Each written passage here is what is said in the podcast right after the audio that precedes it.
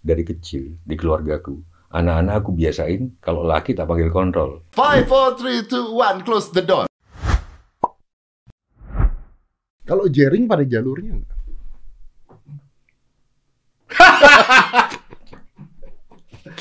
Aku berteman sama dia. Oh iya, Nah, gitu. saya berteman sama dia. Oh. Saya kenal berteman. Saya berteman ribut pernah, temenan pernah, chat pernah. Tapi dia pada jalurnya tidak ya? Ayo. Kan jalurnya pemusik eh, apa? Metal ya, metal apa rock? Rock, metal. Metal, oke. Kau pinter banget ya. Gitu Enggak, loh, saya gitu. tuh penasaran loh. Iya, iya. Jaring itu pada jalurnya tidak. Kalau pada Gini. jalurnya Apa yang membuat seseorang menjadi seniman? hmm, Kan Ekspresi panggilan berpikir. bahwa ekspresi ada sesuatu yang yang menggugah ketidak eh, ketidakadilan ya. ketidakadilan Betul. cinta, ketidakadilan ini, Betul, ketidak. Nah, betul. ketika soal Teluk Benoa dan lain sebagainya dianggap ketidaknyamanan bagi dia Heeh. dan dia ngomong gitu. Itu pada jalurnya? menurutku masih pada jalurnya. Nah, ketika COVID ini pada jalurnya tidak? Atau sudah keluar dari jalur? Tapi dia kan kalau itu nggak salah ketidaknyamanan juga. termasuk orang yang intinya eh, ya sama dengan kau lah percaya konspirasi kan teori. Aku antara percaya eh, Kalau Sujiwo Tejo di gini, eh, sama Jering itu kan ketika dia mengomentari COVID itu kan intinya inti bagi dia jangan terlalu parno terhadap Betul, COVID intinya. Betul, betul. Eh, jangan terlalu ini, jangan Hmm. terlalu itu biasa Betul, saja hidup. Betul. Nah, menurutku kan nggak apa-apa. Bukan, pertanyaannya apakah itu pada jalurnya? Pada jalurnya Ya. sesuatu yang segala ketidaknyamanan psikologis Ah, dan diutarakan oleh seniman hmm, itu masih pada jalurnya walaupun kita masih bisa berbeda pendapat. hmm. Kalau aku misalnya salurkan lewat kesenian, Hmm. salurkan lewat hal-hal yang intelektual sifatnya, Hmm. gitu loh. Tapi kan ada yang salurkan eh, Ya, ya. Berarti, lewat jalan, ya, berarti- kayak Wiji Tukul misalkan, Ya. hanya ada satu kata lawan. Oke, Bagi aku tidak dengan segala seperti itu. hormat itu. bukan puisi, Oh, oke. gitu loh. Itu pamflet, Itu Pak. Eh, gitu loh, Iya, iya. gitu. Berarti- Puisi bagi saya adalah eh, banyak orang berbicara tentang keindahan, mereka pergi ke salon, sementara ada anak-anak burung yang terpanah dan eh, jatuh dari sarangnya itu Rendra yang ngomong, kan masih indah. Itu kesenian, protesnya kesenian begitu deh. Menurutku. Artinya jaring masih pada jalurnya, tapi Masih, salah penyaluran. Ujo sorry. Kau ini gila, asu tenan ya. Lo Gitu, anak, gitu loh. asu lo iya tuh. Pada Aku jalurnya. nggak enak sama istrinya Jering nanti sekarang gitu. Bapak yang ngomong. Gini, Jering masih pada jalurnya, Eh, kok ditangkap? tapi dia memilih jalur yang bukan jalurku. Oh, bukan Ah, jalur. gitu loh. Oh, iya, iya, Iya kan? iya, iya, iya, Jalurku iya. adalah berkesenian protesnya. Hmm. Kalaupun aku tampil di ALC, bahasaku bahasa kesenian. Gitu. Aku nggak dalam bahasa lawyer, aku nggak dalam bahasa protes, aku nggak membela A, membela B. Oke? Nah, Jering memilih ya walaupun kita masih busuk keberatan kepada ya ucapan-ucapan begitu an- kan jancuk atau biasa di kita.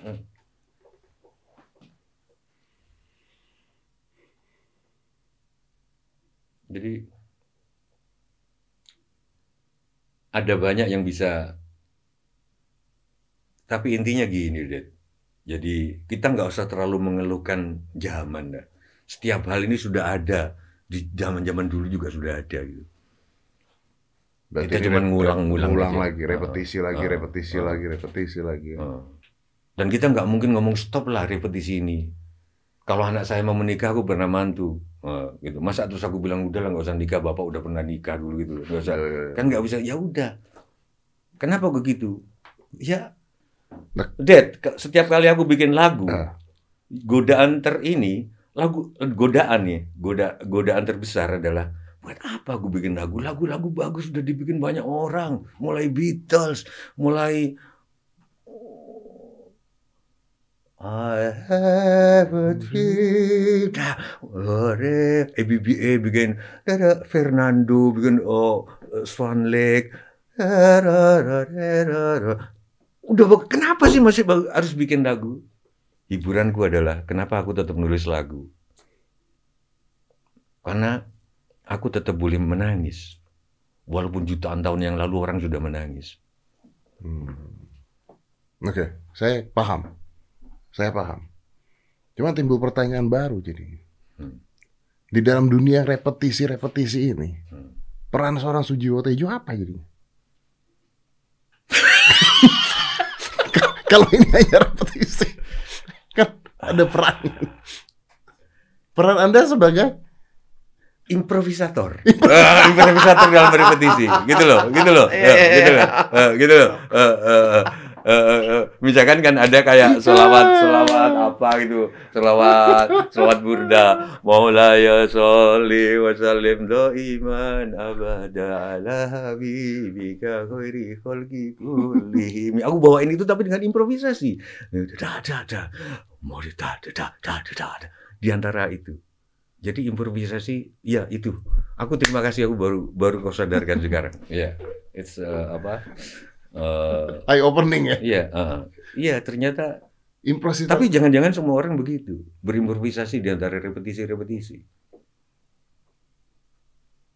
Orang luar di penjara di luar, terus masuk ke tanah airnya dengan sambutan dan lain sebagainya. Di wayang juga sudah ada. Negeri itu sendiri sebetulnya nggak ingin orang ini datang. Namanya Adipati Karna. Dia dibuang ke selatan, ke Ramaparasu. Tapi Ramaparasu dengan segala konspirasinya ingin segera si Karna ini pulang. Pulang. Sudah ada itu. Sudah ada. Kenapa tujuannya? Supaya untuk menggalang segala kekuatan di dalam, sehingga nanti simbolnya cuma Adipati Karna, sehingga gampang motongnya. Itu satu. Yang kedua, Ramaparasu dan segala jaringannya di luar punya agenda dengan Karno untuk memecah belah negeri Astina itu. Kita waspada. Berarti skemanya sudah ada ya. Sudah ada. Semua orang tahu Adipati Karno itu nggak nggak dikehendaki pulang. Semua udah yakin nggak pulang. Tetapi konspirasi di Romo Parasu di luar, di luar ini sehingga dek, kaget pulang juga ternyata.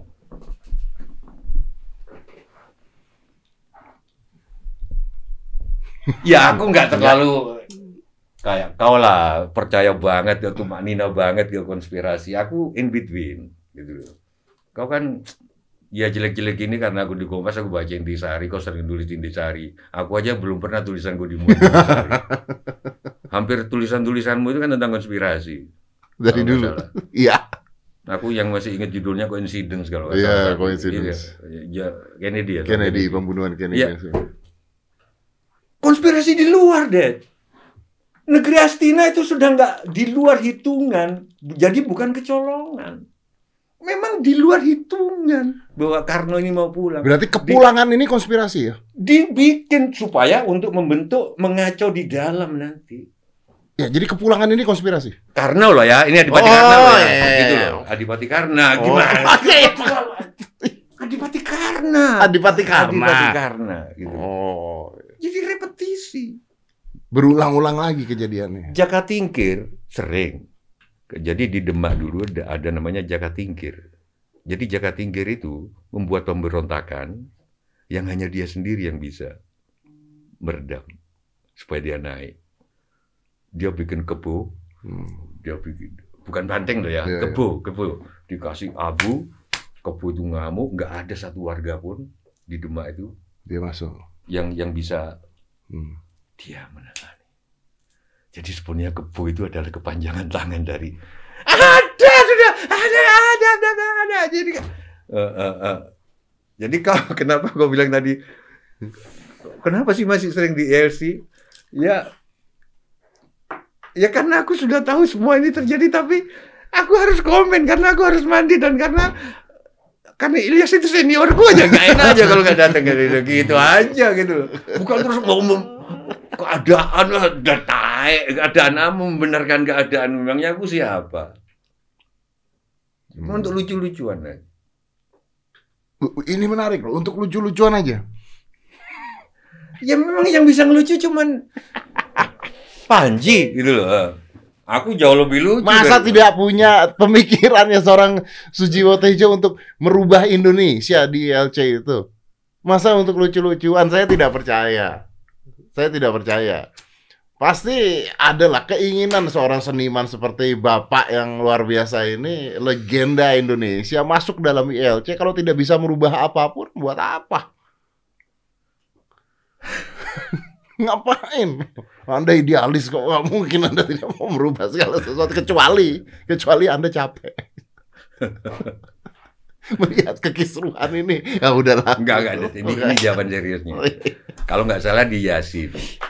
Masih ada nggak rokok aku udah rokokmu di tas ada. Eh, Di tas di tas itu. Kalau- Rokok, rokok. ada. Kalau- Jadi gini. Hidupku amburadul. Tapi aku sering baca surat Yasin. Dan di salah satu ayatnya itu dikatakan bahwa bahkan nabi pun nabi, nabi loh, Dad. Hanya diminta untuk mengingatkan, tidak untuk mengubah. Karena yang mengubah itu Tuhan Hmm. yang bisa. Nabi loh itu. Apalagi cuman cucunya kayak aku. Kayak Deddy Corbuzier. Berarti tugasnya kita Ya, siaran. oh, Bahwa akan berubah itu urusan Tuhan. Dari mana? Memangnya Deddy itu siapa? Mau mengubah? berarti peranan kita dalam re- Mengingatkan. repetisi ini adalah seorang Kok- yang mengingat eh, bukan pengingat pengingat, terlalu ini bukan, apa? terlalu besar ya? Terlalu besar apa? Ya, ya, ya. Ya, mikrofon lah. Mikrofon. Eh, mikrofon. Eh, toa. Toa, Ah, toa, toanya.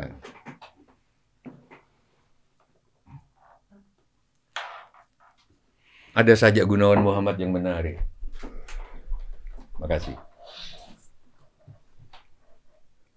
Semua orang bicara tentang gunanya untuk apa. Dedi gunanya untuk apa. Sujiwo Tejo gunanya untuk apa. Tia dan teman-teman gunanya untuk apa. Eh, Gunawan bilang, lumut itu akan tetap di sana. Apa pun gunanya. Gitu. Ya, Itu, itu selalu menggugah aku. Ded. sama seperti saya bilang itu dari dulu. Timun di nasi goreng. Gimana? Eh, Timun kok nasi goreng tuh hotel tuh ada timun ya pak? Iya, Tiga biji. Padahal nggak ada gunanya pak. Timun itu nggak dimakan. tetap ada di situ kan. Tetap ada di situ. Kenapa kita nggak jadi timun? Ya udah, Tapi timun dibuang. ya kita dibuang habis kita ini. dibuang. Oh, gitu. Kok kira Dedi akan begitu terus? Oh, iya. Kok kira aku akan mana kurang lagi akan begini terus? Aku kan sering tiap hari, walaupun istriku takut rumah sakit. Tapi kadang-kadang aku paksain menengok teman yang sehat tiba-tiba sakit. Kita nggak tahu Dedi, kita nggak tahu Tejo, nggak tahu, nggak tahu besok kita ngapain. Itu kan dibuang.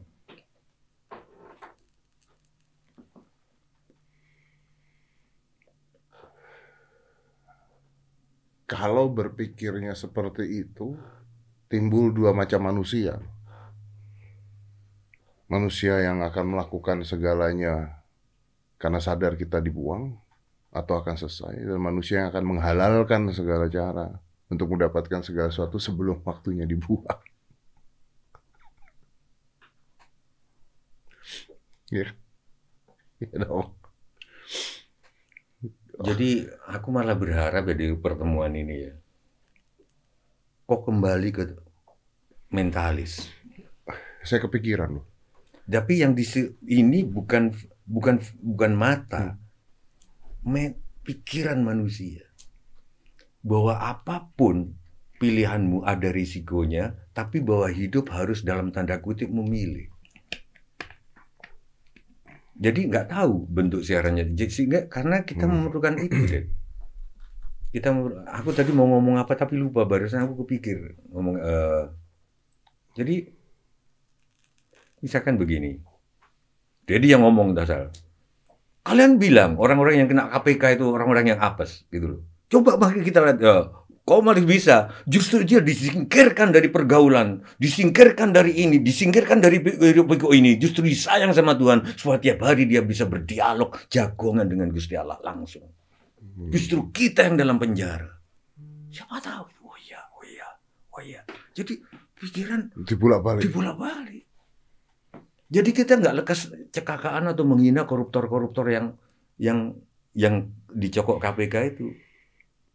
Kita, aku aku dukung kamu gitu. Kalau gitu. Aku sering nge-tweet misalkan dosa terbesar koruptor adalah membuat kita semua merasa suci. Iya ya, saya baca itu. Ya, ya makanya. Karena Jadi- dengan adanya mereka terus kita merasa kita tuh paling benar. Padahal kita koruptor juga lah dengan segala ya dengan segala tingkatnya lah. Mereka aja apes. Kalau dibilang apes, tapi siapa tahu Dedi nanti bilang mereka justru yang Hmm. justru yang justru yang Mendapatkan anugerah. anugerah. Karena di situ dia bisa baca buku, dia bisa ini. Jadi pejabat itu, Dad, ya kau tahu lah, subuh tamu sudah antri. Udah kayak dokter aja.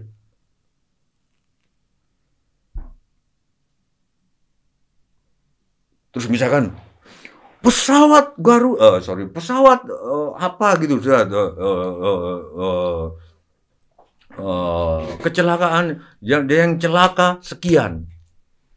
Kenapa nggak dibilang yang selamat sekian. yang selamat sekian, yang celaka justru yang hidup yang harus ditepukan Oh. nyari duit kayak kita. Kalau gitu kenapa COVID kematiannya diberitakan terus? Kau sering ngomong itulah. kan gua tapi nanya. kan- tapi nggak semua orang loh parno sama COVID. Kalau saya ke daerah-daerah kemarin aku ke Ciwidey, kemarin aku ke mana itu, ya biasa. Di daerah aku di Jatinangor, kalau aku di Bandung itu biasa orang salaman orang ini. Cuma di kota aja makanya aku tanya tak kamu tadi ketika kita ketemu eh, madhab salaman atau enggak salaman ya salaman. Salaman ya gitu. salaman. Eh. Ya tapi kita harus menghargai orang lain, makanya Iya. kita tanya dulu. Oke, makanya. Betul, betul, Iya. betul. Saya kapan hari ke Habib Lutfi juga biasa. Jangan-jangan ini mereka mendengarkan Dedi sama Jering. Sehingga nggak. Gitu. Gitu. Jadi gitu deh. Dibuat orang nggak? Pak Suci Watujo. Covid ini. Iya. Kau sering ngomong, aku kan jelek-jelek gini sering lihat siaranmu. Gitu loh. Tapi kalau kita percaya pada pikiran majumu, gini. Tergantung kita mau apa. Mau kita parno atau mau kita bahagia. Kalau kita bahagia dengan mengatakan bahwa COVID ini dibuat orang, eh, geng farmasi atau apa eh, eh, atau geng geng farmasi, Iya, kalau farmasi. geng farmasi atau geng- Globalis Ah, apa? gitu. Oh. Kalau kita bahagia gitu, ya percaya itu aja. Kalau kita percaya bahwa ini adab, eh, ya ya percaya bahwa ini adab. Kalau kita percaya bahwa ini adalah eh, cara merenung, kata Gusmus, Ya merenung lah. justru y- ha- happy dengan itu ya udah. Oh ternyata selama ini kita merayakan, meramaikan masjid, meramaikan ini bukan untuk mengagungkan Tuhan. Ini menurut versi Gusmus loh. Ternyata membuat rasa unggul ini loh kelompok kami. Begitu ada COVID, nggak boleh kumpul-kumpul, kita jadi merenung. Oh ternyata selama ini kami berkumpul di masjid, di gereja, dan di vihara, bukan untuk mengagungkan Tuhan, tapi untuk mengagungkan keunggulan kelompok kami. Waduh. Gitu loh, gitu loh. Loh itu Gusmus yang bilang. Kan bisa macam-macam. Oh ya, soal mentalis tadi bilang. Sekarang kita sudah terlanjur. Kalau kamu nanya tentang Indonesia selain mamalia adanya ibunya Lia, eh, bahwa dua tambah dua sama dengan empat. Kalau Habib Rizik yang ngomong harus salah, ya kan? Ada Itu- lagi. Yang ketiga, tolong dong, Dit, aku udah capek ngomong. Rumah sakit, farmasi, itu bukannya pengobatan alternatif. Kenapa kok herbal yang jadi alternatif? Kami dari dulu kalau kamu nanya dalang, itu ada pelajaran dari encok, dari apa, itu ada semuanya di tanaman, di di Karangkitri, namanya rumah Jawa itu ada Karangkitri, tempat obat-obatan di belakang, itu ada semua penyakit apa pun. Gitu loh, bahkan untuk mengusir tikus atau apa. Artinya kalau kita memang konsisten, kan itu sudah milik kita, bukan cuma di Jawa Kenapa tidak Di Sunda. dipakemkan ya? dipakemkan dan terus farmasi itu alternatif. Jadi kalau kamu ke rumah sakit, mau ke mana, Det? Ini pengobatan alternatif, ke mana? Ke rumah sakit. Oh. gitu loh. Eh, Kalau ke ke herbal itu apa? Pengobatan yang Ya, Yang mainstream, Ya, mainstream, ah, ya, ya, ah. ya. dari mana? Jawa- jawabannya nanti akan begini, jawabannya nanti Gimana? akan bahwa Gimana? pengobatan herbal itu tidak terkontrol siapa yang buat. Ya, berarti kan karena harus ada kontrol kan. Nah, tapi bisa kan dikontrol harusnya kan? Ya nggak tahu. Kau se- tahu sendiri kan bisnis farmasi bisnis paling gede setelah senjata kalau nggak salah. Iya, iya, Iya iya, kan? iya, iya. Hanya itu. Yang saya sayangkan juga sekarang, ayo cuci tangan pakai sabun. Aku hidup di daerah, kenapa nggak pakai air sirih? Itu pejabat loh yang ngomong. Cuci tangan 3M itu Karena lebih jangan gampang nyari, salaman, karena lebih jaga gampang nyari jarak. sabun dibandingkan daun sirih sekarang. Enggak, Dad. Di gunung lereng Gunung Arjuna, itu kalau misalkan kau bawa sirih, di tiap orang bawa sirih di pot atau apa, itu juga nggak mengotori tanah, nggak nggak mengotori bumi. Aku ya pakai, tapi nggak nggak seterusnya. Tapi ya karena nggak itu Kenapa tidak bisa maksudnya tumbuh. maksudnya Bapak Sujiwo Tejo adalah kenapa tidak balik ke Indonesia gitu ya? Apanya? Balik ke Indonesia. Cara ini semua gitu. Itu kan Nusantara. Iya, pengobatannya pengobatannya ke juga. Indonesia. Heeh, yang sana alternatif. Yang sana Jadi ini alternatif. cara berpikir cara sehingga berpikir. Iya, iya, iya, saya begitu ada mahasiswa masuk ke kedokteran UI, dia sedang belajar alternatif. pengobatan Alternatif. alternatif gitu. gitu loh, Dad. Hah? Sedangkan gamelan dan angklung dipakemkan. Ah, Iya toh? ah, itu bener itu. Eh, gitu toh Ah, maksudnya itu tuh. iya, iya. Oh, aduh, bagus banget. Gamelan dipakemkan, tapi herba enggak. Kenapa daun sirih tidak dipakemkan untuk cuci tangan gitu tuh? Kenapa seorang dokter terawan, gitu loh, dokter terawan ya, tidak atau menteri siapa pun, oke, rakyatku, yuk kita cuci tangan Pakai daun sirih. Itu sirih tumbuh di mana-mana. Orang kan pasti nanam pohon sirih. Gampang kok. Tinggal air, tek dikasih pohon sirih di atasnya tiga lembar, tek. Oh udah. tapi kan nanti kalau kita masuk teori konspirasi lagi, Anda melawan farmasi globalis dan sebagainya. Ini kan Ya aku Apa? tahu mungkin kita akan berhadapan dengan kapal Indo, gitu loh. Eh, gitu loh.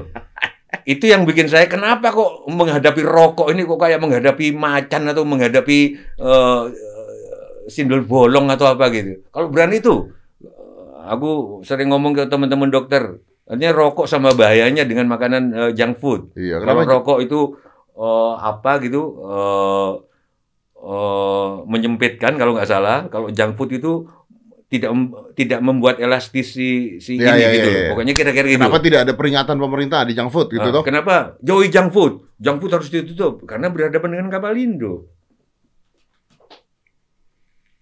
Negara cuma berapa sih di dunia ini paling nggak sampai 300. Kapal induk berapa? 800-an lebih kalau nggak salah. Hmm. Gimana di kalau nggak salah sekitar Indonesia aja ada berapa kapal induk gitu. Berani nggak kita nge- ngelawan junk food? Ayo. Junk food bisa mau apa? Nggak berani. Beraninya cuma sama rokok. Makanya kita jangan merokok. Makan junk food ya. Makan junk food. Ini loh perokok nih. Enggak, enggak, enggak. Bercanda nih kita nih ya. Bercanda, bercanda. Bercanda tapi dalam pemikiran. Iya. ya kan bercanda tapi dalam pemikiran. Tapi itu asik loh kalau ngomongin tentang tadi daun sirih dan sebagainya ya. Hmm. Mama saya umurnya 84 tahun. Ini masih ada chatnya. Ya, gimana, gimana, gimana? Jadi dua minggu yang lalu tuh ponakan saya tuh ngomong gini, Pak. Itu Popo manggilnya Popo kan. Hmm. Kakinya bengkak. Bengkak diri. Udah gitu mama saya chat saya. Dek, mama kakinya bengkak nih kayaknya beri-beri gitu. Hmm. Terus saya Hmm. sebagai penumpang kapal induk ya, Hmm. saya bilang, "Ma, ke dokter gitu dong, ke Hmm. dokter." Takutnya itu eh, water fluid retention saya bilang gitu. Bisa aja beri-beri ke dokter. Nggak mau Kan. gitu kan. Ya. Mama nggak pernah ke dokter dari dulu, kecuali kepepet katanya. Orang tua kan gitu kan. Orang tua dulu kan begitu. Ya, terus saya, tapi kakinya bengkak. Udah gitu berapa hari lagi bilang, kakinya masih bengkak nih dek. Bingung kan saya. Loh ma, komplain terus tapi ke dokter nggak mau tuh gimana ceritanya? Nantilah kalau udah kepepet gitu. Ceritanya masih nggak mau udah. Satu saat hari Sabtu kemarin saya pergi makan. Pergi makan, terus ponakan saya ada di situ duduk, terus ngobrolin tentang kaki bengkak. Ma ini kalau nggak ke dokter bengkak begini nggak tahu lagi kita kita ngomongin dan kita takutin ya. Nanti tiba-tiba apa eh, bahaya tiba-tiba harus diamputasi aja. Udah ke dokter. Loh, udah sembuh kok. Nggak mungkin. Musuh keluarga bilang nggak mungkin. Sembuh kok. Pakai beras hitam. Dad, beras hitam, eh, eh, mahkota dewa dan eh, itu semuanya sudah ada, Dad. Tapi sembuh, Pak. Tapi saya sembuh, Pak. Saya Pak. Jadi Eh. pa- pakai beras hitam pokoknya di itu terus di Hmm. penyet-penyet terus airnya tuh diminum sama dia ininya buat oles kaki saya nggak tahu secara saintifik seperti apa tapi di mata kepala saya sendiri waktu hari Sabtu kakinya kempes hmm. kakinya kempes sembuh Hal lain, aku lanjutin yang soal mana yang alternatif, mana yang enggak. Eh, Pupuk sampai jadi mainstream sekarang. Bukan jadi alternatif. Pestisida. Artinya membunuh yang lain supaya manusia kebagian. Itu sampai jadi mainstream. ya Padahal kau suatu hari mesti undang Tri Utami ke sini. Pernah nggak itu? belum belum belum Itu mengerti banget soal Sunda. Aku belajar banyak sama dia. Itu doa-doa petani misalkan di Ciamis. Itu kalau menjelang eh, tanam, itu dia membakar wangi-wangian, dan sembahyang ala mereka. Dan doanya dalam bahasa Sunda intinya, wahai ular, wahai kupu-kupu, wahai wereng dan lain sebagainya, kalau mau monggo. oh iya iya iya saya tahu Tapi kami kami sisain iya iya iya iya gitu loh. iya iya. saya tuh aduh saya ngobrol sama siapa Gitu. ya tentang dia ingat nggak sih Gitu. tentang mangga sama semut Ah, Jadi kita pernah ngobrol di podcast ini. Hmm. Jadi hmm. mangga itu dulu itu zaman dulu itu sebelum ada pestisida dan sebagainya, itu semut itu kan orang-orang itu kan ke mangga Hmm. semua gitu. Hmm. Nah kita tahu nih mangga mana yang baik, mangga mana yang nggak baik. Karena mangga yang baik itu adalah mangga yang diserang sama semut katanya. Ah, oke. Nah jadi ini mangga yang enak sebenarnya. Ah, Cuman ngambilnya repot karena banyak semutnya. hmm. Jadi semutnya harus diusir-usirin dulu satu-satu Hmm. gitu. Ternyata gunanya si semut ini di mangga itu ada katanya. Saya lupa gunanya apa. Pokoknya dia mengantarkan apa gitu. Tapi sama manusia yang dilakukan adalah menggunakan pestisida matiin semua semutnya. Supaya nggak repot ngambil mangganya. itu loh Dad maksudku kau balik lagi ke konsisten jadi mentalis itu ya melalui ini gitu loh nyerang ada pendekar tanpa nama di novel silatnya Seno Gumira Aji Dharma itu tiga buku tebel-tebel gini pendekar tanpa nama itu bersilatnya dia menyerang pikiran wah dia Menyerang Ah, ah, pikiran. ini dia penyerang pikiran. Nah, maksudku itu loh. Ada penumpangnya. Yang siapa yang ngomong gitu? Oh, semut itu melindungi Ah. kutu daun Oh, dari predator yang akan memasanya sekaligus. Jadi akhirnya ketika di pestisida semutnya dibuang, dimatikan, ini yang mati bukan hanya semut gitu. Ada sebuah rentetan kehidupan iya. ternyata rantai itu. Iya, untuk manusia. Iya.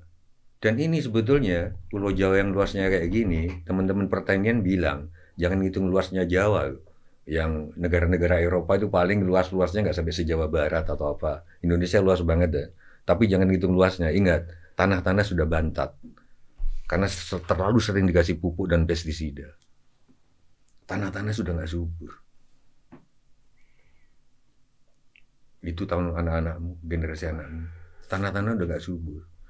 Aku di, itu ternyata, Dad, kalau doa begitu, mereka makan juga serangga, ular makan. Tapi manusia tetap dibagiin. Gimana coba? Itu tadi kan semut, ya gitu deh. Hmm. Tapi sebetulnya kalau kalau semut yang eh, mengantar makanan apa itu dibasmi, rentetannya panjang. Nah, Manusianya serakah atau jumlah manusianya udah kebanyakan? Atau sifatnya memang serakah dari dulu? aku tadi di awal ngomong soal paradoks. Hmm. Semuanya ada paradoksnya. Itulah paradoks ilmu pengetahuan. Bagus, tapi juga nggak bagus. Hmm. Di antropologi atau di apa? Kau kan pernah kalau ada kodok hidup di sebuah lokasi dan dia berkembang berkembang berkembang terus, dia ada perkembangan tertentu yang stop. Begitu melampaui kapasitas lingkungan. Hmm. Bener ya? Hmm. Karena apa? Nggak punya ilmu pengetahuan. Begitu manusia makin padat sekarang sudah eh, berapa miliar? Eh, wow, tahu sama 7,5 miliar. Ya. Mungkin akan terus akan terus meskipun ada Covid mungkin separuh nanti sudah mati kena Covid. Eh, Tuh, justru ada COVID itu menambah peranak pinak. Nah, makanya menambah. Karena ada ilmu pengetahuan. Ada pertanian bersusun kayak di Israel dan lain sebagainya. Hmm. Gitu. Eh, kenapa kok serakah? Karena itu ada ilmu pengetahuan. Sebelum ada lemari es, dulu orang belanja seperlunya. Ya, betul. Oh, ya, ya, ya, ya, Iya kan? ya, ya.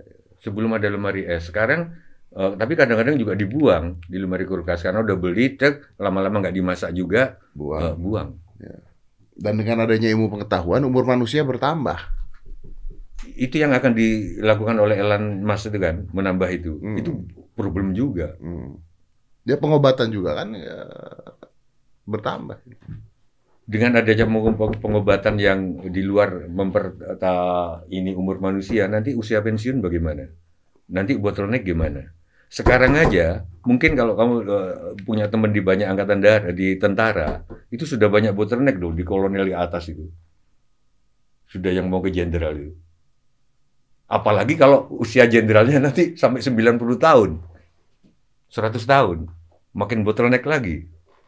Gimana coba? nggak nggak ba- banyak problem bro. Dad. Oke. Jadi harusnya Kalau Dedi nanti panjang umur, orang yang pengen jadi Dedi terbottleneck. Milenial-milenial itu. Kalau Dedi mati, kan gampang gantiinnya. ah gimana?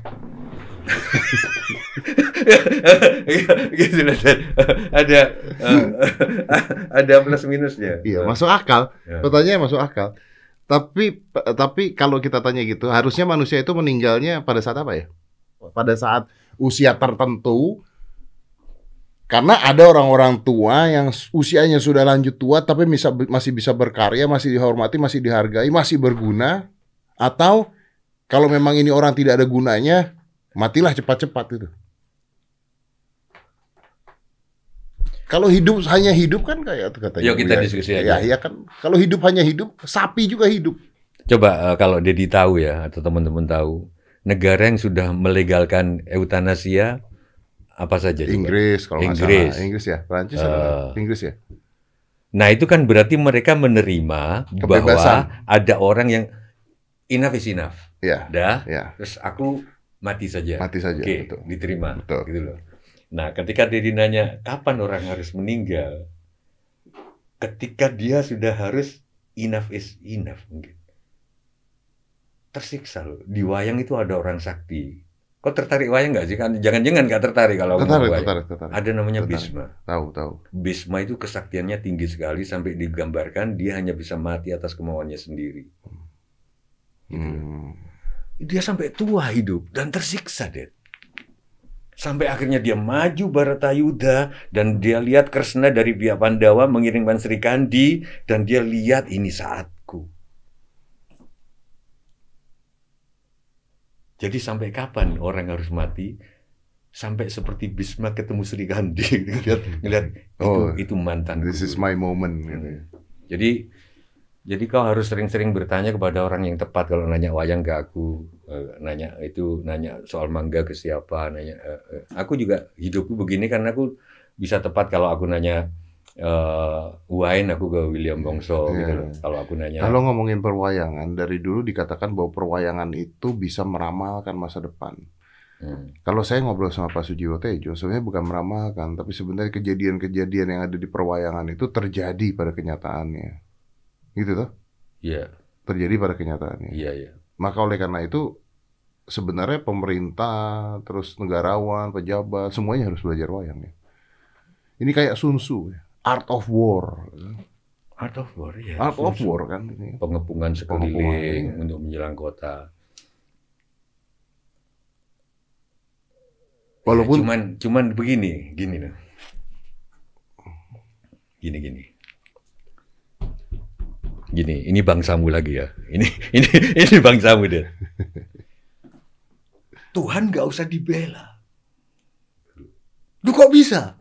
Oh ini ini ini Ah, ini gitu. uh, kontroversi nih, ini Ah, kontroversi iya. nih. Tuhan tidak usah dibela ini kontroversi. Tuhan nggak usah dibela, ngapain Loh, kok dia bela bisa? Tuhan? Nah, terus dibalas. Wong ibu saja kita dihina aja Kita kita, bela. marah. Temen kita dihina aja kita marah. Aku bilang, ibu sama temen itu bukan Tuhan, bukan kholik. Itu makhluk. Terus aku cerita soal wayang. Ada Tuhan yang menyamar menjadi Resi Kesawa Siti. Resinya itu ringkih gitu loh. Tapi dia Tuhan. Semua orang tahu dia perwujudan dari Tuhan dijaga oleh Hanuman. Hmm. Nah, ketika itu datang bala tentara dari kerajaan istana meminta supaya resi itu menjadi penasihat istana. Hmm. Jawab sang resi enggak. Hmm. Resi yang baik harus mandiri, Hmm. independen, jangan ke istana. Begitu resi sudah bergabung sama istana, maka dia akan selesai. Terus dipaksa, akhirnya di dipana, begitu dipana disaut sama Anoman, dibela sama Anoman. Hmm. Anoman senang, kata Resi, kamu senang kenapa? Karena aku sudah membelamu. Hah? Membela itu bagus kalau untuk manusia. Aku siapa? Kau Tuhan yang aku sembah. Kamu siapa berani-berani membela Tuhan? Memangnya aku nggak bisa menghentikan panah itu. Kira-kira begitu deh. Nah terus jawabannya adalah, ah itu kan wayang. Aku wayang itu itu kan hayal bukan cerita. Loh, wayang itu sebagai lakon hayal tapi sebagai gagasan konkret. Gitu-gitu loh. Aku gi- gitu-gitu loh dan eh, eh, Bang Samuel. Bagi aku, kalau aku menghina Tuhannya Dedi, terus Dedi marah, bagi aku loh ya, Dedi nggak percaya pada kebesaran Tuhan. Karena harusnya tidak usah dibela. Eh, tapi kalau Dedi nggak boleh menyembah Tuhan sama aku, Itu jadi masalah. menyembah Tuhan itu bisa siaran, Ya, ya, bisa ya. apa, nggak boleh sama aku, bisa kau bisa frontal ke aku, bisa Oh. marah. Karena Karena melarang hak kita melarang kita untuk menyembah. menyembah itu adalah hak menyembah kita. itu kan mensyukuri nikmat, ya, ya, nikmatnya ya. berupa kebiasaan siaran, mensyukurinya share itu. Nah kalau itu nggak boleh sama Sujiwo Tejo, kau boleh dari dialog sampai perang. Hmm. Tapi kalau Tuhan Maha Kuhina, Tapi kan per- permasalahannya Pak Hmm. Sujiwo Tejo hmm, yang benar-benar anggap aja bela Tuhan atau tidak bela Tuhan, yang benar-benar bela Tuhan di berapa persen? Yang besar bukan membela Tuhan, tapi menggunakan nama Tuhan untuk membela yang lain gitu kan. Sekonyong-konyong membela Tuhan kan begitu. Kalau saya lihat sih begitu. Kalau yang benar-benar mereka membela Tuhan, saya masih ya sudahlah mungkin dia membela Tuhan gitu. Tapi banyak sekali yang sekonyong-konyong seakan-akan membela Tuhan gitu.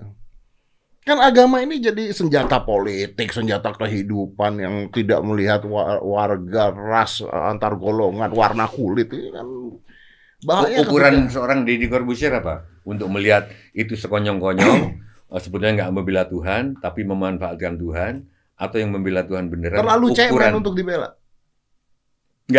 ukuran seorang Deddy ngelihat seseorang dia ngebela Tuhan beneran atau ngebela cuman mengatasnamakan. Itu dari apanya? Dari koar-koar. Bukan aku loh ya yang ngomong ya. Bukan aku loh yang Loh. ngomong ya. Deddy Corbuzier loh ya. Deddy Corbuzier yang ngomong. Dari tipe koar-koar. Menurut saya loh, menurut saya. Kau nggak pengen nanya aku ukurannya? Oh iya. Kalau aku ukurannya begini deh. Ukurannya apa? Begitu Dedi ngomong Tuhan Maha Besar, Ah, aku masih melihat Dedi, gitu loh. Berarti Dedi pura-pura memanfaatkan Tuhan.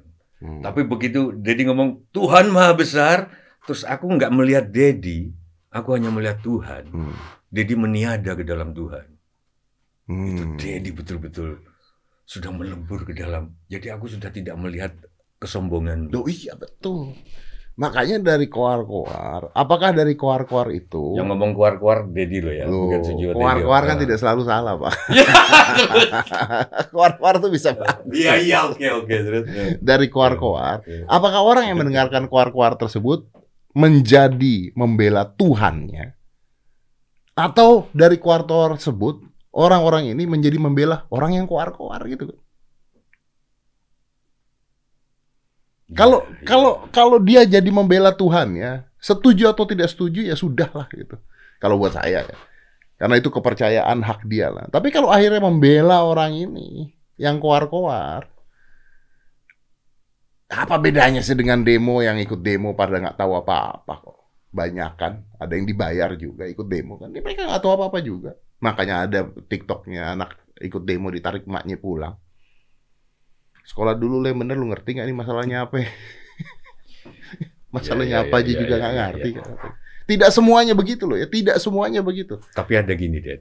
Ada yang terus ngirim. Ini loh. Ada eh, kata-katanya gitu loh. Ada kata-katanya junjungan bahwa kalau eh, Tuhanmu dihina, kau harus marah. Ada eh, pakai kiriman Hmm. eh, sa- sabdanya lah gitu loh, begitu loh. Reaksiku waktu itu ada dua. Reaksiku terhadap kata-kata yang mengatakan bahwa itu sabda langsung dari beliau, gitu, dari junjungan Hmm. bahwa kalau dibela, eh, kalau dihina, eh, maka marahlah. Dan kalau dia sudah marah, tidak ada marah yang melebihi marah beliau ini, gitu loh. Aku Hmm. nggak usah sebut, pokoknya marah junjungan ini Hmm. yang maha kita junjung. Aku ada dua, membelanya itu apa? Mungkin membelanya nggak membela karena dihina itu, tapi membela membuat pendidikan itu dalam rangka membela Tuhan loh ya, Hmm. Oh, ber- bersiaran, oh, terus bercocok tanam itu membela gitu. Bayang-bayangkan gue itu. Hmm.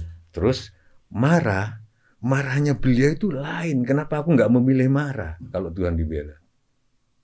Karena marahnya beliau itu, beliau itu orang ma- manusia sempurna loh. Marahnya nggak kecampur-campur ego loh. Itu deh jawaban gue deh. Kalau kita yang marah pasti kecampur-campur ego dong. Maka yang aku pilih aku nggak marah. Buat saya penghina Tuhan adalah nggak usah jauh-jauh dicari ke orang lain. Besok Dedi khawatir nggak bisa makan, Dedi sudah menghina Tuhan. Waduh. Loh, mestinya itu dong. Kalau mau sweeping, mau cari, mau siapa yang khawatir besok nggak makan? Bu. Karena dia menghina Tuhan. Tuhan udah janji.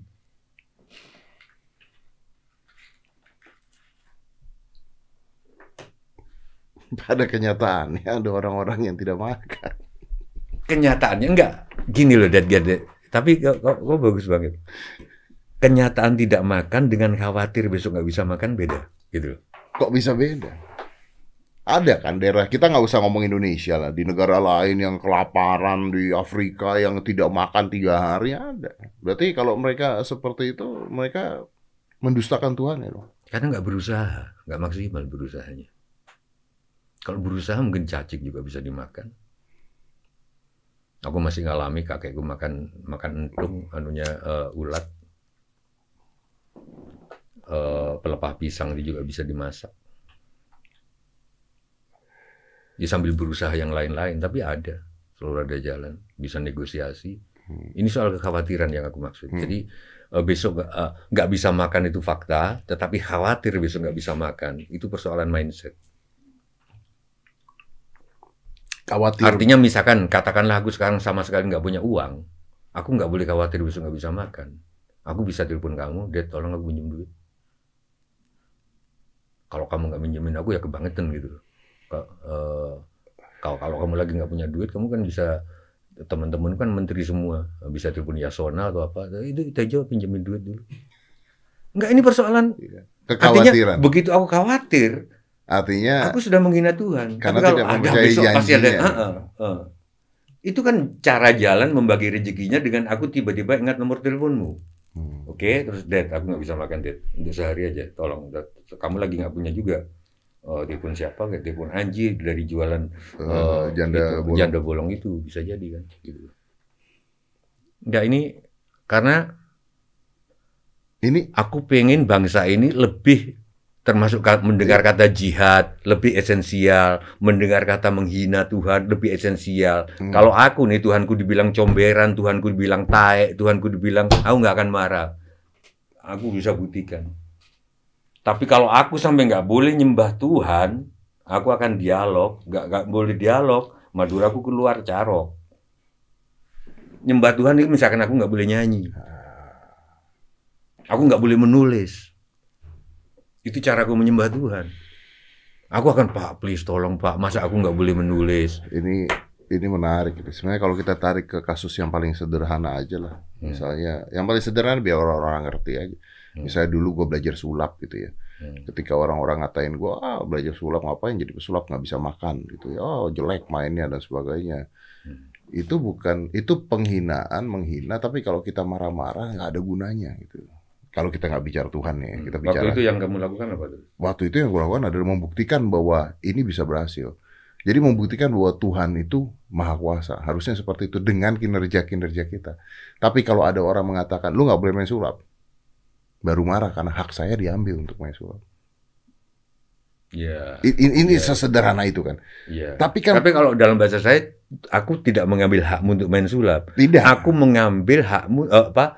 eh, hakmu untuk menyembah Tuhan. Main sulap Iya. itu bayanganku menyembah Tuhan melalui karena Betul. kebiasaanmu begitu. Kamu kan pasti melatih yang kamu tunjukin di Betul. di mana itu di Purwakarta bahkan untuk menjepit Menjepit, ini menjepit aja poin di itu otot-ototnya harus latihan di... otot kan. Betul, Itu kan ber- betul. eh, makanya. Betul. Tapi ini paradoks ini kan terpecah dua. Kita nggak usah ngomongin Tuhan deh. Yang heboh dari kemarin aja ya. Kita nggak bisa politik. Yang heboh dari kemarin pembicaraan tentang pria memperkosa wanita gara-gara wanita berpakai pakaian seksi. Ini aja sampai detik ini aja perdebatan loh.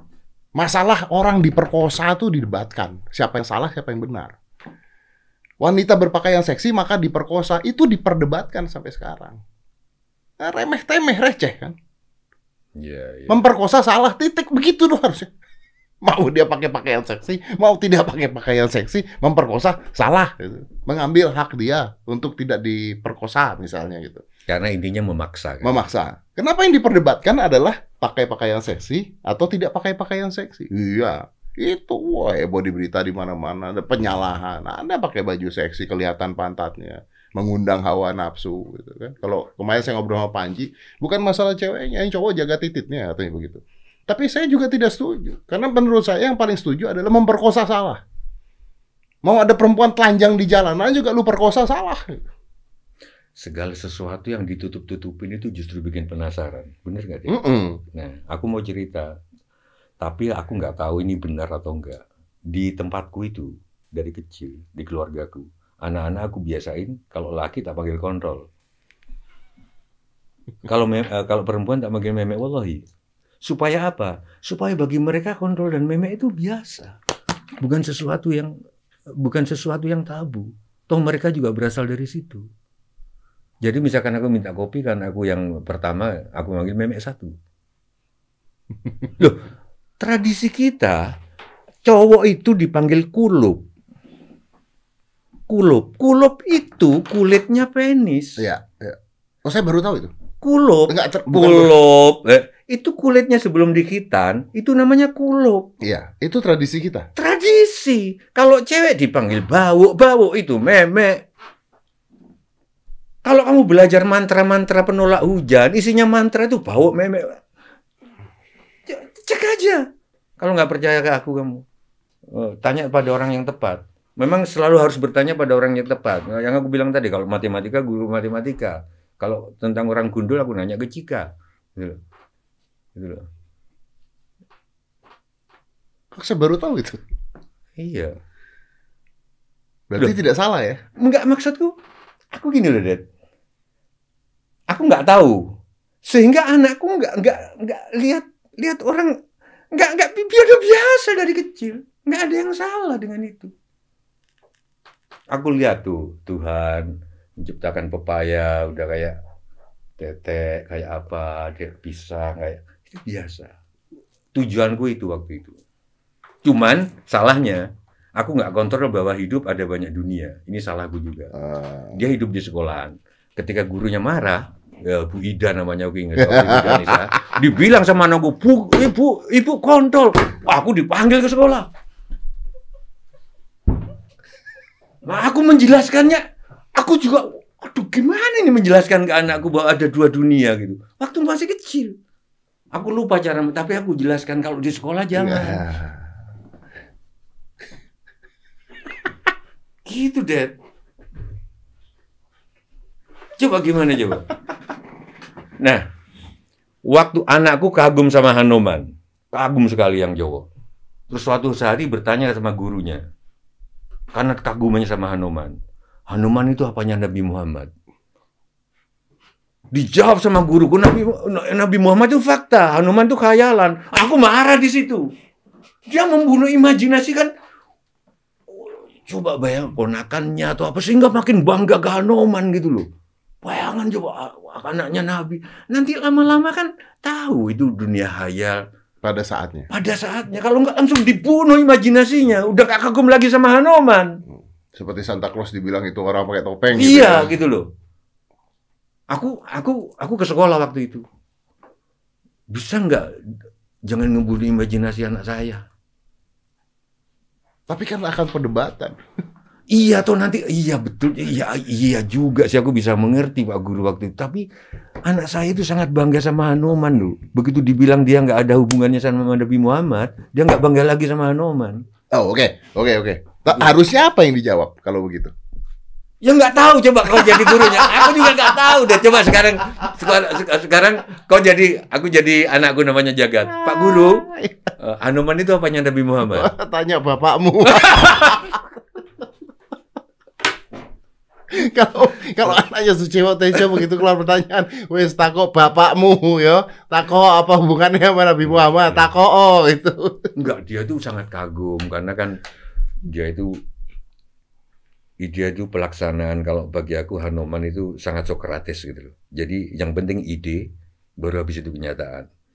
Hanuman itu wujudnya eh, kera tapi idenya manusia. Jadi lebih manusia dari manusia. Kalau Aristoteles kan mungkin kayak kamu Hmm, fakta, hmm, fakta, hmm. gitu. Nah ini eh, kayak Sokrates. Yang pertama adalah ide. Nah, jadi aku bayangkan monyet itu anu, eh Hanuman aku cerita, Hanuman itu ya, nah sekali melompat dia bisa nabrak matahari. Wah begitu. Ketika kelak gede melawan Rahwana, dia melompat, dia kok nggak bisa lagi menabrak matahari. Kenapa pak? Karena dia sudah kehilangan imajinasi dunia anak. Gitu, gitu. Dia sekali melompat lagi kalau marah nggak dikasih permen, dia melompat tujuh kali keliling bumi. Sekali lompatannya, anakku kan bangga kan gitu loh. Terus dia nanya apanya Nabi. Muhammad? Nggak ada hubungannya itu khayalan kan? Gimana coba? Lo memang nggak ada hubungannya, toh lama-lama nanti dia tahu bahwa Anoman ini khayalan gitu loh. Gak apa-apa. Itu loh deh dunia pendidikan kita deh. Tapi aku tahu sih buktinya kalau kamu jadi guru ya jadi gitu. Tapi Ya ngerti sih. oh masa pandemi aku sekarang mau nanya. Masih ada waktu? Masih. Ini deh. Kenapa kok di zaman dunia persilatan itu anak selalu disekolahkan, digurukan silat ke orang lain, ya kan? Karena bapak nggak bisa didik Nggak bisa sendiri. didik anaknya sendiri. Oke. Ya.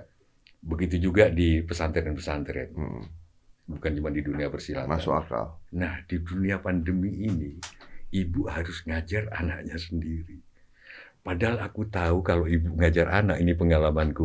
Waduh. Anak nggak ngerti, Ibu marah-marah, anak nangis, eh, ibu nangis, dua-duanya masuk kamar, iya kan? Iya. Nah, kau melakukan ini single parent selama sampai sebelum pandemi, itu gimana coba? Coba share deh, aku pengen tahu. Didik, aku aja nggak bisa ngajarin matematika anakku, karena pasti marah-marah. Jujur ya, Hmm, coba. jujur ya. Jadi kalau anak saya tuh punya banyak PR yang dia nggak ngerti, terus nanya ke saya, wah gini gini gini, saya coba lihat sini yang Pak bisa bantu, Pak bantu. Begitu udah sulit nih, begitu udah sulit, terus dia stres, terus saya bilang, udah nggak usah dibuat. Oh, kau bilang gitu? Oh iya. Lo terus ke sekolah ya? Terus bilang, lah, nanti nilainya jelek begini gini gini. Oh, dia stres sendiri. Pokoknya sebulan pertama itu dia stres. Stres. Karena bapaknya begini, bapaknya bilang udah nggak usah dibuat. Ini buat aja yang bisa, nggak bisa nggak bisa nggak usah dibuat. Loh, tapi ini nanti anak lain begini gini gini, biarin aja kalau anak lain bisa, ya nggak bisa juga banyak. Dad, kau bilang deh, kok, kok jangan ke aku, kok ibu-ibu ini, aku kan sering Nah, ke daerah. Betul. Ini problem ibu-ibu di pandemi, mau ngaku ingat? Ya. Seben- Stres dulu. Nah, kita jangan ikutan stres. Anak stres ini nggak ada gunanya. Udahlah, ini masa pandemi ya. Kalau sampai di masa pandemi ini ada sekolah tidak menaik kelaskan anaknya, sekolahnya goblok. Hmm. Menurut saya loh, menurut saya pribadi. Lah gimana? Pak, anak saya itu bangun jam 7 di depan komputer Hmm. ya, sampai jam 3 siang. Sampai jam 3 siang depan komputer. Dulu Anak-anak dilarang main gadget. Tiba-tiba sekarang depan komputer sampai jam 3 siang. Gurunya ganti-ganti, Bos. Gurunya ganti-ganti. Lu coba di depan komputer sampai jam 3 siang. Jangan berhenti, coba. Apa nggak stres? Mata nggak rusak? Hmm. Jadi kalau buat saya, udah nggak usah. Wah, kalau begini-gini, wah, tapi nanti dimarahin. Kalau dimarahin besok nggak usah masuk. Saya mah gila, udah bener. Daripada stres, anak gua stres. Saya kira ini mumpung sangat ada kamera, saya kira ini saya banyak keliling ke daerah-daerah, ke Sumatera, ke eh, besok eh, ke daerah Kendari. Saya banyak ketemu ibu-ibu eh, yang stres menghadapi PR. Kata-kata Master uh, Corbusier ini bisa didengar. Jawabannya adalah udah nggak usah dikerjain. oh enggak, gimana gimana gimana gimana gimana jawabannya? Bener, udah Oh, iya. biarinin aja, biarinin aja. Iya. Ngapain stres-stres? Nggak ada gunanya, Pak.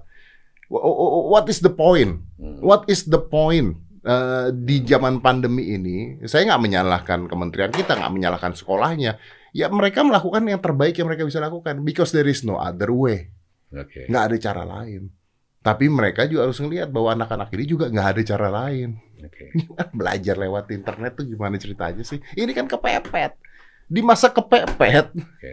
jangan memaksa. aku cuma mau ngomong juga curi-curi kesempatan di sini bahwa masalah Indonesia itu luas banget, nggak cuma masalah Habib Rizik, nggak cuma masalah eh, utang sana utang sini, tapi masalah tingkat kesetresan eh, ibu-ibu sekarang. Iya. Itu juga persoalan bersama Oh kita. iya dong. Iya. Saya masih mending kalau ibu-ibunya stres. Kalau anaknya stres, maka kita punya satu generasi stres. Gara-gara pandemi. Ibu-ibu stres sudah biasa lah. Tapi kalau anak-anak ini sekolah online terus stres, satu generasi generasi stres. Mati nggak kita? Aku nggak tahu ini ditayangkan kapan kira-kira, supaya aku tahu mau Januari apa apa? Nggak. Eh, aku nggak tahu ya. Nggak, tapi maksud itu supaya aku tahu momennya eh, Januari kan rencana akan tatap muka Katanya. dan akan diundur lagi kalau melihat kenaikan mungkin setelah pilkada setelah libur panjang. Artinya maksudmu akan tambah stres lagi anak-anak. Lah iya dong. Iya dong. Jadi menurutmu dibuka tatap muka? Dibuka. Nggak bisa. Nggak bisa. This is not... Ini saya mah orang bodoh ya. Jangan didengerin juga gitu ya. This is not how you fight the pandemic gitu menurut saya. Fight pandemi nggak mungkin, tapi begini deh. Kalau aku ngelarang anak-anak kuliah untuk salaman atau untuk pelukan, Hmm. mungkin bisa. Hmm. Anak-anak SMA mungkin agak bisa. Hmm. Tapi kalau anak SD, apalagi udah berbulan-bulan nggak ketemu, Hmm. eh jangan pelukan. Modaro, gimana nggak pelukan? Mereka pasti seneng kok pelukan. Hmm. Gimana terus COVID-nya ini? Ya, Kalau tatap muka nanti. kalau anak S, eh, TK, SD, oke lah masuk akal lah gitu. Hmm. Nah, tapi sekarang apa bedanya dengan dengan orang-orang yang masuk kerja kantor dan sebagainya swab test? Eh maaf nih saya tanya dengan Pak Sujiwo Tejo. Hmm. Anda masih syuting ILC, Pak. Kok bisa, Pak? Itu pertanyaan menarik juga. Kok bisa? Em, berapa krunya? Tiga orang. Gitu. Banyak. Iya, iya juga. Ya banyak loh. Kenapa? Karena perekonomian harus jalan. Iya. Media harus jalan, perekonomian harus jalan. Loh, Iya. akal sehat, otak budi anak-anak ini juga harus jalan kan? Menurut saya loh ya, menurut saya loh. K- Kalau itu dikatakan dengan protokol bisa jalan, nah sekolah ini Kau mau mengatakan bahwa kalau pilkada aja boleh jalan, kenapa sekolah nggak boleh gitu? loh, ya harusnya iya. Harusnya iya. Karena yang dilihat mungkin yang dilihat selama ini adalah ya udah anak-anak ini bisa bertahan lah. Bertahan yang gimana, Pak? Saya tanya dulu. Bertahan yang gimana? Anak-anak di rumah ini yang punya fasilitas, yang punya apa? Yang punya internet cepat, yang punya apa? Yang punya game, yang punya apa? Yang punya apa, Pak? Apa semua anak-anak? Loh, Ya, anak- aku terharu juga kalau sampai ada yang naik pohon kelapa itu naik pohon apa? Sinyal iya. ya. Ora usah- ora usah ya. ngomong ngono, Pak. Hmm. Lah anakku itu punya wifi cepat, punya komputer bagus, Hmm. yo, Hmm. kabeh fasilitasnya ono. Terus Lu stres masih stres ya? stres kok. Stres? Lu sekarang stres, lu jangankan stres itu. Apakah mereka pria-pria, anak-anak cowok ini SMP nggak butuh ketemu teman wanita, Pak? nggak butuh tetap muka, interaksi dengan teman-teman. Seni itu mati. Buat saya. Anak saya ini lagi belajar sulap. Ya, belajar sulap. Wow, seneng. Lama-lama, kok nggak latihan lagi? Gitu lah. Wow, wow, seneng. Kok nggak latihan lagi? Jawabannya apa? Main buat siapa, Pak? Iya, iya, iya, iya. Iya, iya. Duh, bisa buat di internet, bisa buat di eh, apa namanya Instagram, bisa buat di YouTube, bisa buat di Facebook. Tapi dia jawab lagi satu arah. Sulap itu kan menarik ketika saya main begini terus saya lihat Mas Sujiwo Tejo, wah kok bisa begitu? Wah ketawa kakak-kakak gebrak-gebrak meja itu nggak dapat kita. Itu sudah berarti sudah kehilangan enam bulan tujuh bulan ya Nah, iya. seperti itu kehilangan buat siapa kita hidup. Oh, iya, Eh, pertanyaan itu sudah iya, iya. ini dipikirin nggak sih sama Mas. Menteri? Nggak Mas Menteri mikir ini nggak? Eh, ah, men- saya sempat ngobrol, dia dia berpikir, tapi eh, jawabannya adalah memang this is the best thing we can do because of the Hmm. pandemic dengan, dengan protokol. Hmm. Saya nggak nyalahin dia juga, tapi let's rethink about this. Apa yang bisa kita lakukan? Nah, wis, wis, nggak usah ngomong seni, nggak usah ngomong sulap. Ini anak saya lagi deket sama cewek lah, umur 14-15 tahun. Ya kan, oh, bapaknya kan begini, wes, harap, wah, Anaknya lebih. anaknya lebih gitu. Hmm. Mau mulai deketin, chatting apa segala, gini gini gini sudah mulai dekat dekat dekat dekat. Lama-lama chatting makin berkurang, Hmm. berkurang. Kenapa? Ya, what is the point? Nggak ada poinnya. Itu jawaban dia. What is the point? I cannot even see her. Wih. Poin What apa? is the point? I cannot Poin poinnya apa, Pak? Poinnya apa? And, and, and, and, and kalau saya pribadi, oh nggak apa-apa kalau mau ketemu gini-gini nggak apa-apa. Tapi kan ada orang-orang yang tidak boleh juga kan. Tidak setiap orang bisa jadi ikan dasar laut yang berwarna-warni. Ikan makin ke dasar laut makin indah. Makin ini Eh, yang yang gelap itu. Nah. Dia tidak tahu indah untuk siapa. tidak tahu indah untuk siapa. Nah, itu. Betul. What is the point? Dan beda ya, beda Pak. Kalau misalnya kita yang sudah dewasa, kena pandemi begini, Bisa bisa ber- berimajinasi. dua tahun lah, tiga tahun, empat tahun kita tidak ketemu pasangan hidup kita gitu ya, kita mungkin masih bisa bertahan. Mungkin. Karena kita sudah belajar tentang goals, punya pengalaman, punya itu semua. Hmm. Imajinasi kita jalan. Hmm. Anak yang baru mau merekah ini, suruh berimajinasi. Imajinasi apa? Pernah aja enggak. Hmm. What is the point? Kita bisa berimajinasi tentang duduk di taman, Ya. ciuman, eh, geter-geternya sebelum ciuman itu dan paling enak kalau dari sudut Oh, dulu gitu. eh, we know. Oke oke oke. Ini apa yang diimajinasikan? Tidak ada. Bener juga ya. Nah. Kalau belum ada empirisnya, pengalaman seperti kita mimpi, mimpi sesuatu yang nggak pernah ada, misalnya eh, lobster eh, bertanduk beringin gitu kan? Nggak ya, mungkin. kan nggak ada. Ada. Tapi kan minimal, enggak kalau kita mimpi, Ya, kita bisa mimpi lobster ber- lobster Karena Garuda pernah- iya. bertanduk beringin karena kita pernah dalam kehidupan pernah lihat lobster, pernah lihat burung Garuda, Hmm. Pernah lihat Pohon banteng, tanduk Hmm. banteng, pernah lihat pohon beringin. Hmm. Begitu ada di mimpi kita ada lobster eh, Garuda bertanduk beringin, make sense. Make gitu. sense. Nah, berarti kayak anakmu perca-perca empirisme itu kan belum, Belum gitu loh, ya. dapat. Ya oke. Belum aku, dapat. aku juga aku dari tadi ngomongin imajinasi imajinasi aku lupa bahwa untuk itu perlu unsur-unsur empiris dulu Belum kan yang perca-perca. Belum dapat. Dan untuk seni kalau Iya. tidak ada repetitive appreciation, saya nggak tahu bahasa Indonesia apa tuh. Eh, ya semacam applause eh, Iya, iya, iya, iya. tap- tepuk Gitulah. tangan. Eh, maka seni itu akan hilang menurut saya loh. Kecuali, kecuali Anda seorang maestro.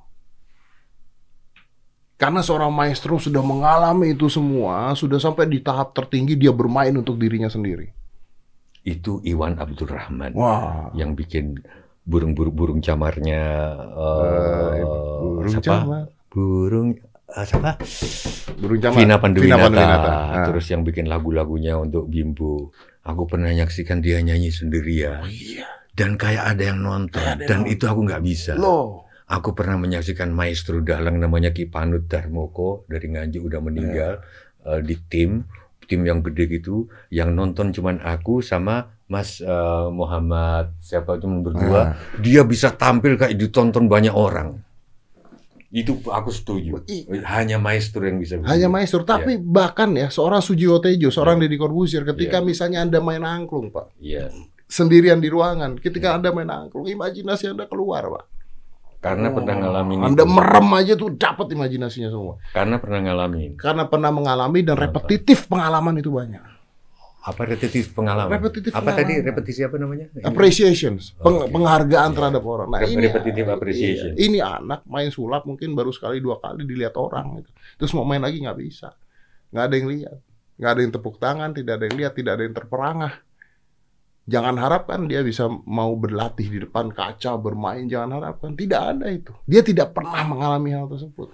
Nah ini menurut saya pandemi ini bukan hanya akal sehat, kesehatan dan sebagainya, bukan. Jadi lack of imagination. Creativity and imagination dimatikan.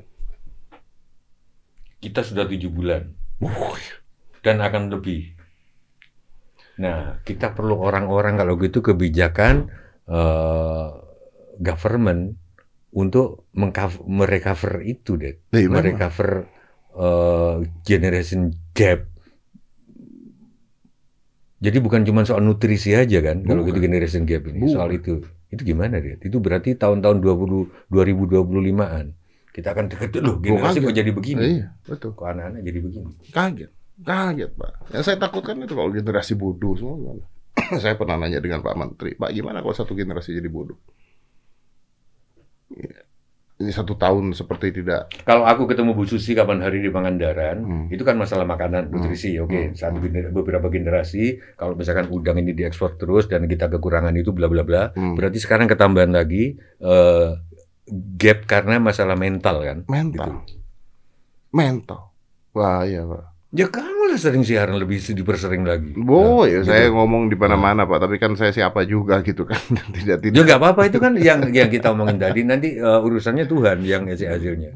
Yang penting kita eh eh, kau tahu nggak yang sa, sa, menurutku agak salah juga nggak tahu ya. kalau Oh. kau sa- sangat logis orangnya bahwa eh, sebab dan akibat itu memang berhubungan. Itu kan yang dididikkan kita Ya. itu menurutku fatal. Sebab itu menurutku itu makhluk tersendiri, akibat makhluk tersendiri yang menghubung-hubungkan Tuhan. Hmm. Oleh Tuhan kerap dihubungkan. Hmm. Begitu nggak dihubungkan orang kaget. Karena keniscayaan, Karena percaya- rajin pangkal, kaya, Saya. Oh, tidak. eh, eh, hebat pangkal kaya, rajin pangkal pandai. Ternyata tidak. Aku nggak rajin dulu sekolah. Iya makanya. Nilaiku bagus. Aku yakin kau juga. Saya juga rajin. tidak, betul. Tapi Ba- gimana? Tapi gimana kita ngomong ke anak kita? Gimana saya ngomong ke Aska? Kalau eh bapak lu dulu nggak naik kelas, sukses-sukses juga tuh, nggak bisa. Kenapa tidak bisa? Karena ada punishment di dalam sana. Nggak gitu, Dad. Jangan ngomong punishment. Lu eh sono ono punishmentnya kok pak? Enggak apa, apa? Loh. misalkan di di mana? Di di, Di situ ada- sekolah, di sekolah.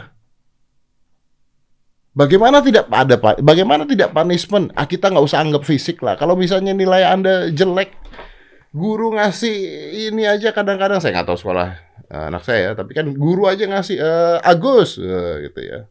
Delapan nih, Eh, begitu yang jelek diomongin kan. Nih, Tia nih, nilainya dua nih. Oh, sekarang ada udah mulai diubah gitu-gitu. Di beberapa di beberapa negara Australia udah mulai, mungkin Cina sudah sebagian nggak ada penilaian begitu. Nah itu, Gitu. ini kan apa namanya? Nggak ada penilaian. Eh, Nggak ada, degrading gitu nggak kan. ada. Eh, memalukan di depan masa gitu kan. Kau masih menangin film Ali Topan nggak? Ali Topan Nonton, Anak Jalan. tahu, tahu, Udah di tahu. luar negeri apa masih di sini waktu itu? Di sini. Oh, siapa yang main itu lupa. Udah. Eh, eh, Junaidi Salat. Ya. Eh, Junaidi itu Salat. kan kritik juga isinya. Nah, bukan. Itu yang mengkacau hidupku. Oh. Dia kan nggak pernah nggak pernah pernah sekolah. masuk. Iya. Pinter. Aku juga nggak pernah sekolah. Gitu. Dia naik trail ke mana-mana. Aku nggak punya trail nih. Aku nggak punya trail. Tapi yang aku tiru bolosnya itu. Tapi setiap kali ujian itu, Dad. Tapi semangat. oh, orang pasti anak-anak pasti tidur di rumahku belajar sama aku. Nah, Gitu loh.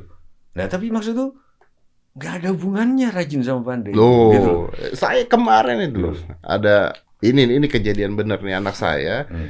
kerja kelompok dengan salah satu anak yang menurut dia anak ini tuh eh, nilainya tuh bagus lah, bagus terus. Dia kerja kelompok berdua. Ini kejadian, blak kejadian, kerja kelompok berdua. Dia bilang, oh ini anak nih nilainya pas selalu bagus. Ini anak pinter banget begini gini Hmm. gini gini. Bapak harus kerja kelompok, eh, dia harus kerja kelompok. Begitu kerja kelompok, anak gue capek loh. Begitu setengah jam, anak gue bilang, eh, dia putusin lah koneksinya itu. Dia putusin itu. Gue nanya, kenapa?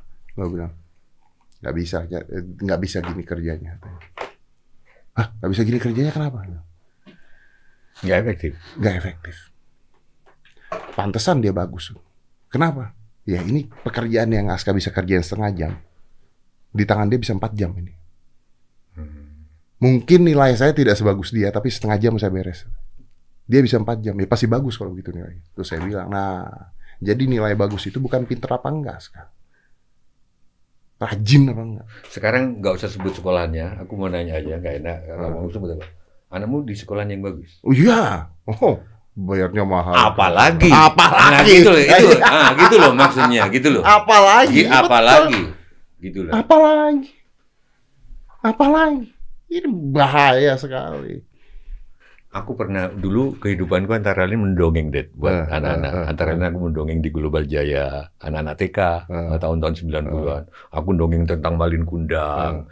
Oh, bagaimana ya? Malin Kundang itu kan anak yang terus eh, sukses, terus nggak mengakui orang tuanya, terus dikutuk jadi batu Iya, kan. iya, iya. Nah, aku ceritakan gimana masa kecilnya, gimana ini ini ini dan terakhir aku buka anak-anak siapa yang harus dikutuk Hmm.